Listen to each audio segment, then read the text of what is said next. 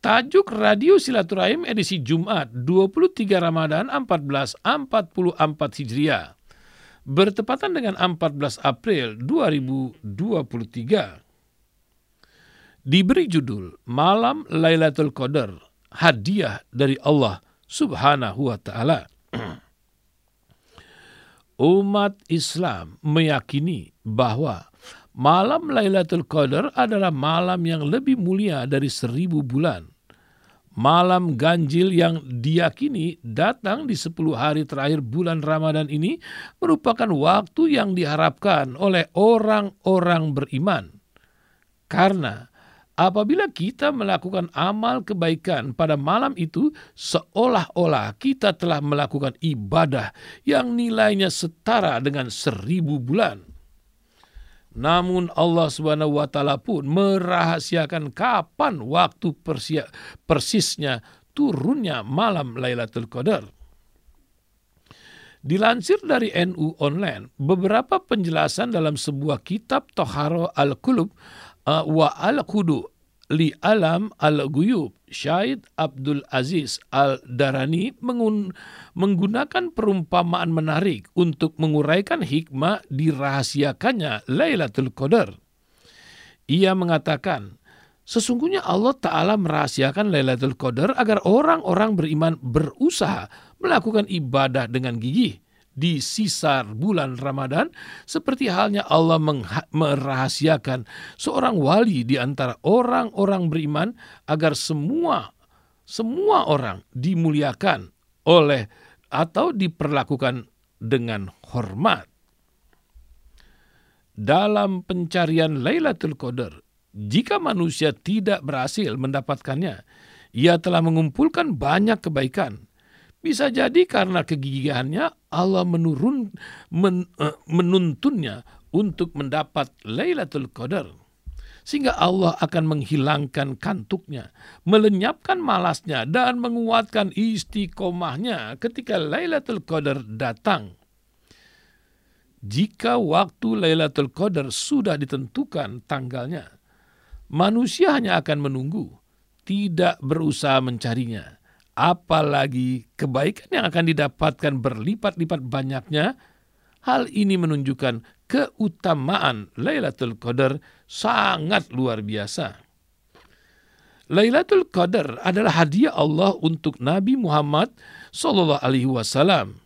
Syed Abdul Aziz Al-Darani menulis dalam kitabnya, dalam sebuah riwayat yang sahih dikatakan, Sesungguhnya Rasulullah SAW diperintahkan oleh Allah Ta'ala usia-usia manusia sebelumnya seakan-akan usia umatnya menjadi semakin pendek sehingga mencapai amalnya tidak akan menyamai amal umat terdahulu karena panjangnya usia mereka. Kemudian Allah Ta'ala menganugerahi Nabi Muhammad Lailatul Qadar yang nilainya lebih dari seribu bulan. Dalam sebuah riwayat diceritakan bahwa Rasulullah SAW sedang duduk iktikaf semalam suntuk pada hari-hari terakhir bulan suci Ramadan. Para sahabat pun tidak sedikit yang tidak sedikit yang mengikuti apa yang dilakukan Rasulullah. Ketika Rasulullah berdiri sholat, para sahabat juga menunaikan sholat ketika beliau menegakkan tangannya untuk berdoa. Para sahabat pun serempak mengamininya. Saat itu, langit mendung, tidak berbintang. Angin pun meniup tubuh-tubuh yang memenuhi masjid. Dalam riwayat tersebut malam itu adalah malam ke-27 dari bulan Ramadan. Di saat Rasulullah dan para sahabat sujud, tiba-tiba hujan turun cukup deras. Masjid yang tidak beratap itu pun menjadi tergenang air hujan. Salah seorang sahabat ada yang ingin membatalkan sholatnya.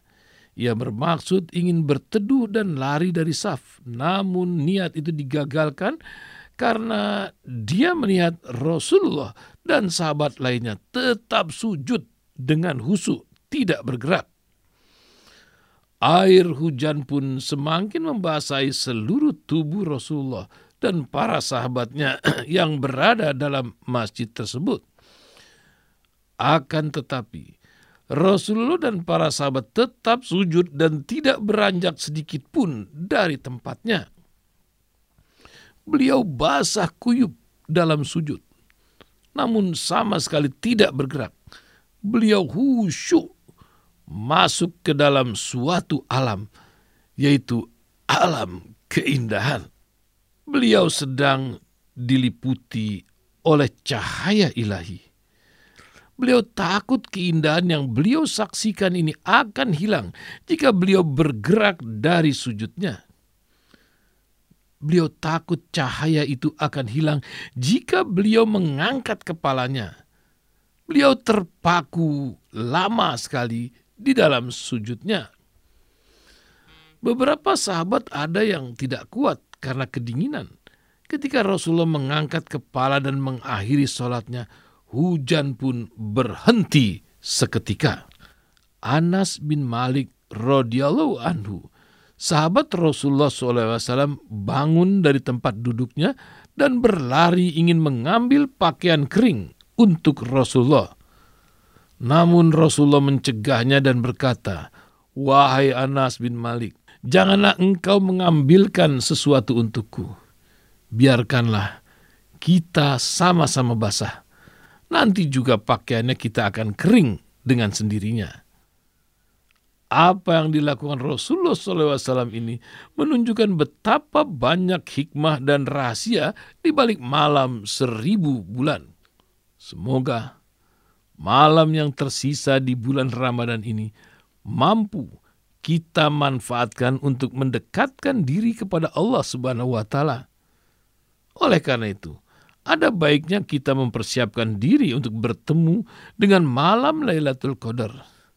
Senantiasa berdoa, berzikir dan beribadah. Semoga bisa memudahkan kita menemui malam yang mulia tersebut. Semoga ditemui Lailatul Qadar itu dalam keadaan baik dan menjadi manusia yang layak menerima hadiah istimewa dari Allah Subhanahu wa taala. Wallahu a'lam bissawab.